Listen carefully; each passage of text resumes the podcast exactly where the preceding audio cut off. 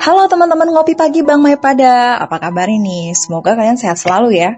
Kembali lagi bersama saya Foni dan rekan saya Jessica. Kami dari Wealth Management Bank Pada, hari ini kita akan membahas mengenai investasi dan ekspektasi. Namun di sini investasi sangat luas ya Jess ya. Iya hmm. betul banget Ibu. Nah, mungkin kita bisa persempit pembahasannya terkait investasi emas aja ya. Oke, langsung aja ya. Hmm, Jess, kamu pasti pernah dengar dong um, menabung sama investasi? Iya. Hmm. Hmm, kira-kira kamu bisa nggak sih kasih perbedaan sedikit aja untuk kita? Oke, sebelumnya selamat pagi semuanya. Selamat pagi rekan-rekan Bang Maya Padya. Nah, saya akan jelasin sedikit nih perbedaan antara menabung dan berinvestasi. Ada sih perbedaan yang signifikan, yaitu pada objeknya. Jika kita menabung, maka objeknya adalah uang. Sedangkan jika investasi, objeknya beragam. Balik lagi ya, kalau menabung karena objeknya adalah uang, maka tujuannya adalah untuk mengatur keuangan sehari-hari.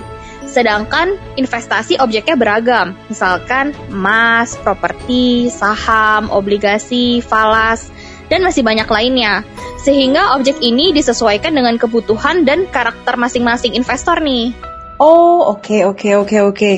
Nah, itu tadi kan perbedaan signifikannya ya.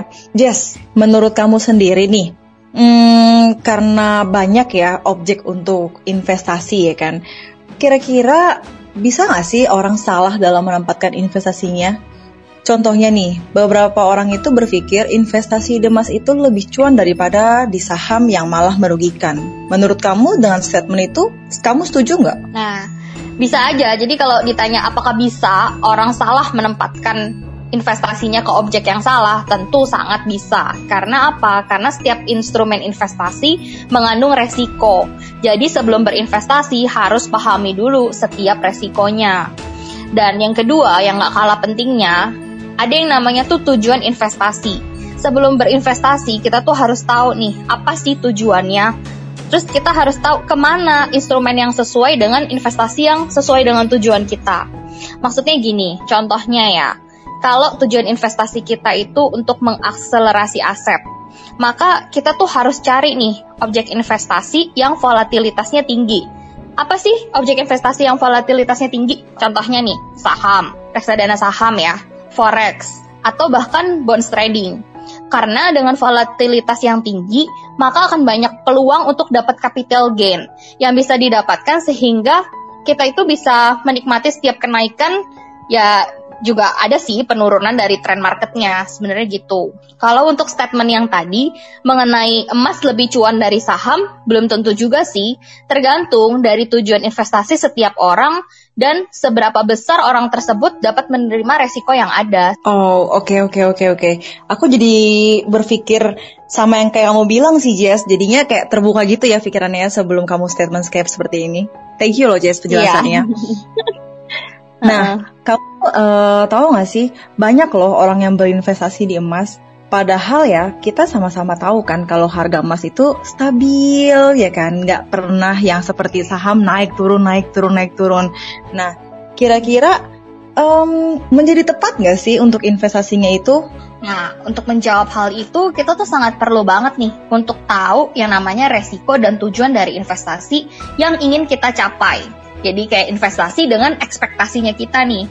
Karena berbeda produk udah pasti beda resikonya, beda juga imbal hasilnya. Nah, orang berinvestasi emas ini apa sih yang menjadi fokus dan berapa lama waktu yang dia targetkan untuk investasi emas tersebut? Karena akan menjadi salah kaprah jika orang itu menganggap emas sebagai instrumen yang dapat memberikan capital gain yang besar dan dalam jangka waktu yang cepat. Karena emas itu sebenarnya kan uh, instrumen lintas generasi nih yang diminati untuk diinvestasikan karena harganya tuh stabil, bukan karena volatilitasnya yang tinggi gitu loh. Maka dari itu, emas itu menjadi produk hedge yang digunakan investor untuk melindungi portofolio investasi dia dari volatilitas market di saat market sedang bergejolak kayak sekarang inilah ya.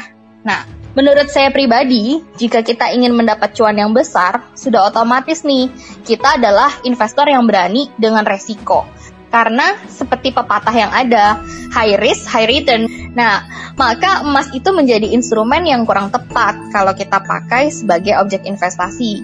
Karena hasil dari investasi kita malah nggak bakal optimal karena harga emas sendiri nggak fast moving nih di market seperti saham misalnya. Oke oke oke, thank you aja sih ya. Uh, mungkin tuh sebelum kamu ber, apa berbicara statement seperti ini tuh mungkin banyak orang yang seperti salah paham lah ya bukan berarti emas itu tidak bisa diinvestasikan atau mungkin emas itu tidak boleh investasi emas. Hanya bisa tapi tidak bisa diharapkan dengan jangka waktu yang cepat kali ya capital gainnya. Bener nggak sih? Iya. Iya. Lantas kalau menurut kamu nih, ada nggak sih hal-hal yang harus kita hindarin biar kita tuh nggak terjebak di kesalahan investasi emas gitu loh? Oke, sebenarnya ada tiga hal yang perlu kita perhatikan. Pertama, kita itu harus memeriksa kemurnian dari emas tersebut. Karena ini tuh udah sewajarnya dilakukan oleh para expert. Karena emas itu dinilai dari kemurniannya, maka ini tuh hal yang sangat vital untuk diperhatikan sebelum kita tuh beli emas. Karena beda kemurnian juga ya beda harganya gitu sih.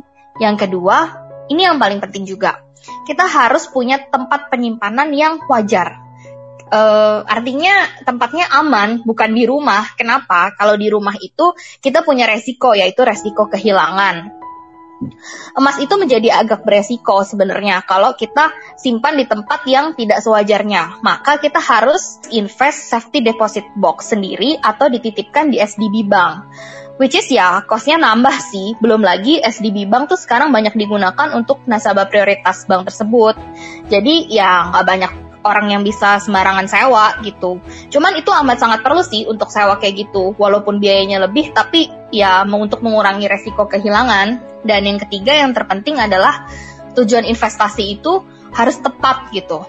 Sama yang kayak tadi kita udah bahas, tujuan investasi yang ingin dicapai uh, harus harus tepat sehingga hasil akhirnya itu sesuai dengan yang diekspektasikan. Jadi nggak ada lagi tuh yang bilang, ah investasi ini begini begini begini karena kan dia sudah prediksi dari awal tujuannya begini objeknya ini sehingga investasi dan ekspektasinya itu bisa bagus. Wah, itu hal yang penting dan mungkin jarang orang sadari Jess, apalagi yang tidak memiliki tempat penyimpan emas itu sih. Itu yang kadang-kadang kita nggak sempat terpikirkan ya. Banyak, mungkin bukan ibu-ibu juga, saya pribadi pun juga saya simpan emas juga di lemari ya kan. nah, itu bisa jadi kayak uh, buka pikiran kita lah ya. Jadi kita harus lebih aware lagi gitu loh ya kan. Oke, okay. nah itu dia teman-teman ngopi pagi mengenai pembahasan kita hari ini. Jadi udah pada tahu dong, ya kalau kita mau berinvestasi, khususnya kali ini pada instrumen emas, apa yang kita harus perhatikan agar investasi kita sesuai dengan ekspektasi. Thank you ya Jessica, udah berbincang sama kita di sini bagi-bagi ilmu, sedikit tips buat kita untuk investasi emas dengan ekspektasinya juga seperti apa. Iya, sama-sama. Oke, okay, terima kasih untuk kalian yang sudah mendengarkan podcast kita kali ini. Selamat pagi dan selamat beraktivitas kembali.